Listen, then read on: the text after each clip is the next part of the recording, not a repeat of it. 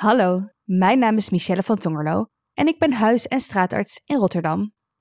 Het stuk dat ik nu ga voorlezen gaat over een dakloze moeder met twee jonge kinderen die geen opvang in Rotterdam aangeboden krijgt, omdat ze als zelfredzaam is geclassificeerd. Nederland is namelijk mogelijk wel het enige land ter wereld waar we daklozen durven te klassificeren als zelfredzaam, terwijl ze dat natuurlijk per definitie niet zijn. We doen inmiddels alsof dakloosheid een individueel probleem is, om te verhullen dat het een systeemprobleem is, waar tal van andere oplossingen voor zijn, die we om een of andere reden niet toepassen. Als er op de achtergrond van de podcast wat geroesmoes klinkt, komt dit omdat ik de podcast midden in de Pauluskerk heb opgenomen, omdat er door allerlei logistieke uitdagingen geen andere optie was. Desondanks veel luisterplezier. Aan het einde van de dag loopt er een moeder met twee kinderen de Rotterdamse Pauluskerk in. Ze heeft buikpijn en vraagt of er een arts aanwezig is. Ze heeft een kindje van een jaar of twee aan de hand. In de kinderwagen die ze duwt ligt een baby te slapen. Gehaast loopt ze mijn spreekkamer binnen. Ze lijkt zich bezwaard te voelen als ze voor me zit en verontschuldigt zich voor haar komst. Haar oudste is onrustig, trekt steeds aan haar arm, maar nadat ik het kind een kleurplaat heb gegeven, kan ik moeder wat geroutineerde vragen stellen. Nee, ze heeft geen koorts Nee, ze heeft geen pijn bij het plassen. Nee, poepen gaat prima. Nee, er is ook geen SOA-risico. Op lichamelijk gebied vind ik geen aanknopingspunten voor haar buikpijn. Als ik haar onderzoek, is ook alles normaal. Dus besluit ik een laagje dieper te gaan. Immers, wat doet een moeder met twee kinderen eigenlijk op een plek als de Pauluskerk? Ze blijkt dakloos te zijn, en dus zijn zij en haar kinderen niet verzekerd voor ziektekosten. Iemand had haar geadviseerd met haar buikpijn naar de kerk te gaan, omdat ze niet kan betalen voor zorg. Ze is dakloos geworden nadat ze bij haar partner is weggegaan. Sindsdien lukt het haar niet een huis te vinden. Al bijna een jaar slapen zij en haar kinderen bij vrienden en bekenden op de bank, terwijl ze nog nachtvoedingen geeft. De stress sloopt haar. Omdat ze niet ingeschreven staat in de gemeentelijke basisadministratie, lukt het haar niet om een uitkering aan te vragen. Ze leeft van magere giften, maar kan daar de luiers voor haar kinderen niet eens meer van betalen. De verklaring voor haar buikpijn heb ik nu. De oplossing daarentegen blijkt een stuk lastiger dan een receptje met pijnstilling. Dakloosheid stijgt. Tussen 2009 en 2021 steeg het totale aantal dakloze mensen volgens het CBS met maar liefst 80% van circa 18.000 naar 32.000. Sindsdien signaleren diverse hulpverleners dat dit aantal blijft stijgen. Eind vorig jaar sloeg het leger des Hels nog alarm over het aantal jongeren tussen de 18 en 22 jaar in de opvang dat binnen een jaar met 50% was gestegen. In de media lees ik intussen meer en meer berichten over overlast met dakloze mensen. Tegelijkertijd zijn al die cijfers over dakloosheid slechts het topje van de ijsberg. We weten eigenlijk helemaal niet exact hoeveel mensen dakloos zijn. Dat komt ook omdat de afgelopen decennia de groep dak- en thuisloze mensen is veranderd. Toen ik in 2017 net begon als straatarts, zag ik vooral ongedocumenteerde mensen op mijn spreekuur. Rond 2019 zag ik steeds vaker arbeidsmigranten. Eerst vooral vanuit Polen, maar nu eigenlijk vanuit overal in Oost- en Zuid-Europa. Arbeidsmigranten werken onderbetaald onder kwetsbare contracten, waarbij hun slaapplek veelal gekoppeld is aan werk. Worden ze ontslagen, dan raken ze dakloos en ze mogen dan, tegen Europese afspraken in, vaak niet de maatschappelijke opvang in. En toen ik in 2021 terugkwam in Nederland, na anderhalf jaar in het Caribisch gebied te hebben gewoond, viel het me op dat ik opeens zoveel Rotterdammers met gedragsproblemen op mijn spreekuur trof. Ook dit valt te verklaren. Sinds de decentralisatie in 2015 wordt er miljarden bezuinigd op de GGZ en de jeugdzorg. Instellingen reduceerden hun hoeveelheid bedden. Zorg moest aan huis plaatsvinden. Tegelijkertijd kwam er een financieringsmodel dat het minder lucratief maakte mensen met ernstige psychiatrische klachten te behandelen. Wachtlijsten voor hen groeiden. De maatschappelijke opvang waar ik werk lijkt soms wel een dumpplek voor mensen met psychiatrische problemen. Mensen met psychoses, gewelddadig gedrag, verslavingsproblematiek en Korsakoff worden allemaal bij elkaar in een krappe ruimte geplaatst. Meer een sociaal experiment dan zorg, denk ik wel eens. Inmiddels is er nog een groep bijgekomen, zoals deze dakloze moeder, met wie eigenlijk niet zoveel aan de hand is, was. Door scheiding, ontslag of schulden raken mensen hun huis kwijt om vervolgens geen betaalbare woonplek te vinden. De groep is niet klein. Naar schatting lopen er op dit moment meer dan 10.000 economisch ongehuisde mensen in Nederland. De verwachting is dat deze groep alleen maar groter zal worden, want de armoede groeit en er is een ernstig tekort aan betaalbare woningen. Tussen 2009 en 2015 verdwenen 262.400 sociale huurwoningen door verkoop, sloop en liberalisatie, terwijl de vraag niet afnam.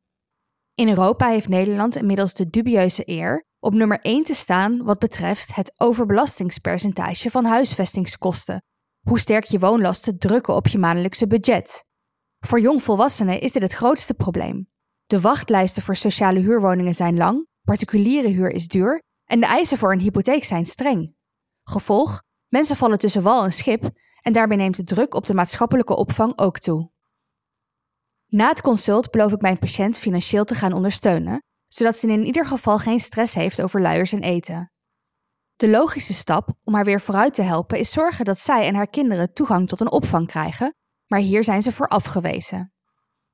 In het afwijzingsrapport dat ik later opvraag bij de gemeente Rotterdam, lees ik dat ze haar daar te zelfredzaam voor vinden. De argumenten die de ambtenaren geven, de vrouw heeft zich tot dan toe altijd staande weten te houden in de maatschappij en er is geen sprake van een psychiatrische stoornis of verslaving. De opstellers van het rapport snappen dat het niet ideaal is dat zij geen woonruimte heeft, maar, gaan ze verder, dit is een gevolg van het tekort aan betaalbare woningen en niet een gevolg van dat zij niet zelfredzaam is. De opvang is niet bedoeld voor mensen met een relatiebreuk en ze verwijzen haar naar haar netwerk in Marokko. Maar voor haar is dat geen optie, zegt ze. Bovendien heeft ze een verblijfsvergunning en hebben haar kinderen een Nederlands paspoort. Zelfredzaamheid. Die term komt niet uit de lucht vallen. Sinds de invoering van de Wet Maatschappelijke Ondersteuning in 2015 zijn gemeenten verantwoordelijk voor het bevorderen van de zelfredzaamheid van de burgers. De gemeente verwacht dat burgers proberen hun problemen zoveel mogelijk binnen hun eigen netwerk op te lossen. Er is zelfs een hulpinstrument ontwikkeld om zelfredzaamheid te meten: de zelfredzaamheid-matrix. Stel je eens voor: een ambtenaar die van achter zijn bureau met een kopje koffie in de hand de dakloze vorm opneemt, om vervolgens middels een puntensysteem te beoordelen hoe zelfredzaam diegene is. Is dat niet het bewijs dat we volkomen zijn doorgeslagen? De eerste zelfredzame dakloze moet ik namelijk nog leren kennen. De term is een contradictio in terminis. Zelfredzaam zijn betekent dat je kan deelnemen aan de samenleving, terwijl je als dakloze alleen maar aan het overleven bent. Dag in dag uit bezig zijn met waar je kunt slapen zorgt ervoor dat je aan niks anders toekomt. Als mensen werk hebben, verliezen ze dat vaak. Ze zakken weg in een bureaucratisch moeras. Iemand die dakloos is en geen postadres heeft, kan geen uitkering, schuldsanering of zorgverzekering aanvragen. En omdat dat laatste verplicht is, stapelen boetes al snel op. Het netwerk waar ze op terugvallen raakt op een gegeven moment ook uitgeput en keert zich dan tegen hen. Gezondheidsproblemen worden erger omdat ze niet of later worden behandeld en omdat een dakloos leven van zichzelf al ongezond is. Een aantal weken later zie ik mijn patiënt weer. Het gaat slechter. Ze is verder afgevallen, ziet bleek en heeft wallen onder haar ogen. Ze huilt onafgebroken als ze me over haar angst vertelt om daadwerkelijk op straat te belanden, om zo haar kinderen aan pleegzorg te verliezen. Die angst snap ik. Hoewel kinderen het recht hebben niet van hun ouders te worden gescheiden, gaat het in praktijk wel eens anders. Samen besluiten mijn patiënt en ik een crowdfunding te starten, zodat ze in ieder geval tijdelijk onderdak kan vinden in een hotel, mocht dat nodig zijn. Ik adviseer haar naar een wijkteam te gaan om een postadres te regelen, zodat zij een dakloze uitkering kan krijgen. Een paar dagen later krijg ik een mail dat ze ook is afgewezen voor hulp bij het wijkteam. Wij hebben via LinkedIn begrepen dat Michelle van Tongerlo heeft laten weten dat het haar via crowdfunding gelukt is om geld bij elkaar te verkrijgen voor de situatie van mevrouw. Het wijkteam zal de casus dus niet verder oppakken, schrijven ze. Als je denkt dat je alles hebt meegemaakt, kan het dus altijd nog krankzinniger. Want het is niet alsof ik een huis voor haar heb gekocht. Ik heb geld geregeld voor een tijdelijke hotelkamer. En hoe weet het wijkteam überhaupt dat het om dezelfde casus gaat? De crowdfunding is anoniem gebeurd? Kafka has left the building. Ik vraag het wijkteam per mail om opheldering. Een reactie volgt in eerste instantie niet. Ik vraag PvdA-gemeenteraadslid Sarah Rijtema om in de Rotterdamse gemeenteraad vragen te stellen over deze gang van zaken. In de beantwoording op de raadsvragen lees ik terug dat niet de gemeente, maar burgers zelf verantwoordelijk zijn voor duurzame huisvesting. Ja, de gemeente probeert er van alles aan te doen om dit te verbeteren, maar er zijn nu eenmaal te weinig woningen. Vervelend, maar daar kan de gemeente niet veel aan doen. Maar mag je dit zo wel stellen? In artikel 22 lid 2 van de Nederlandse Grondwet staat dat de overheid moet zorgen voor de bevordering van voldoende woongelegenheid.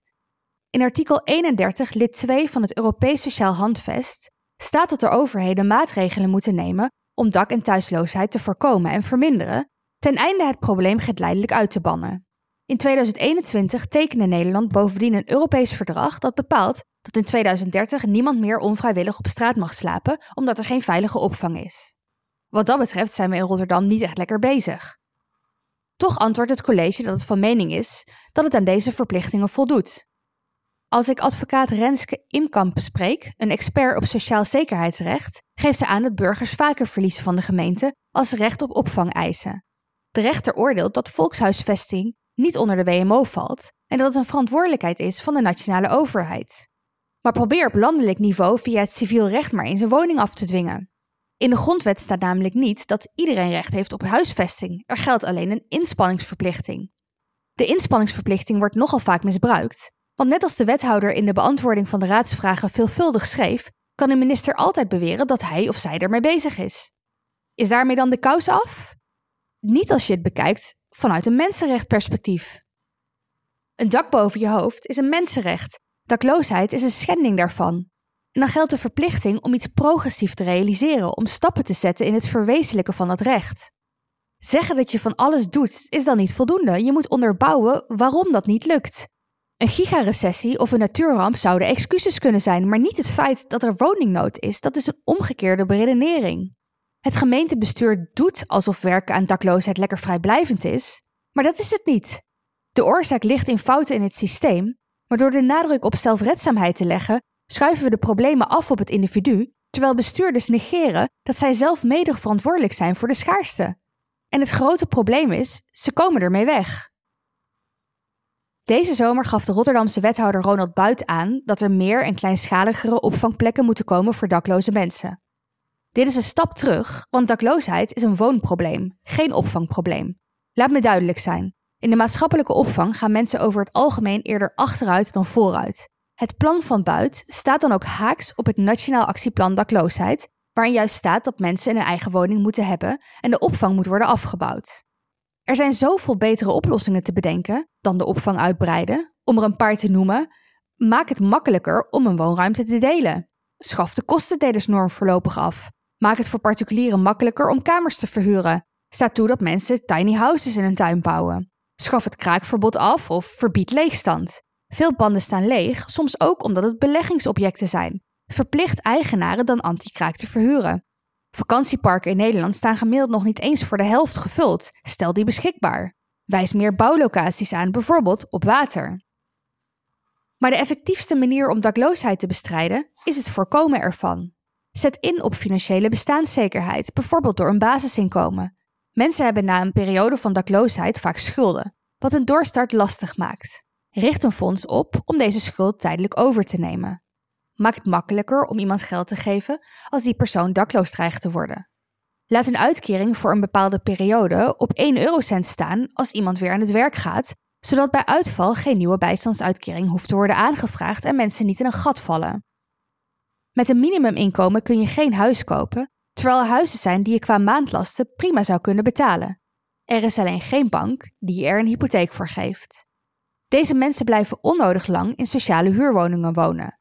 Waarom zou je net als een huursubsidie geen hypotheeksubsidie kunnen krijgen? Experimenteer verder met een doorbraakhypotheek. Gemeenten en zorgverzekeraars dragen met een klein deel van de bespaarde maatschappelijke kosten aan bij een garantiefonds, vergelijkbaar met de nationale hypotheekgarantie, mocht iemand toch niet in staat zijn de hypotheeklasten te dragen.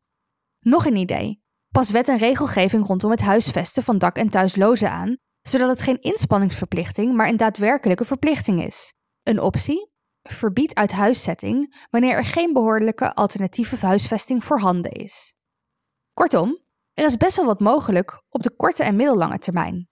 Een stuk meer dan Nederlandse kinderen adviseren naar Marokko te gaan, omdat we hier falen in ons woonbeleid. De correspondent bestaat 10 jaar.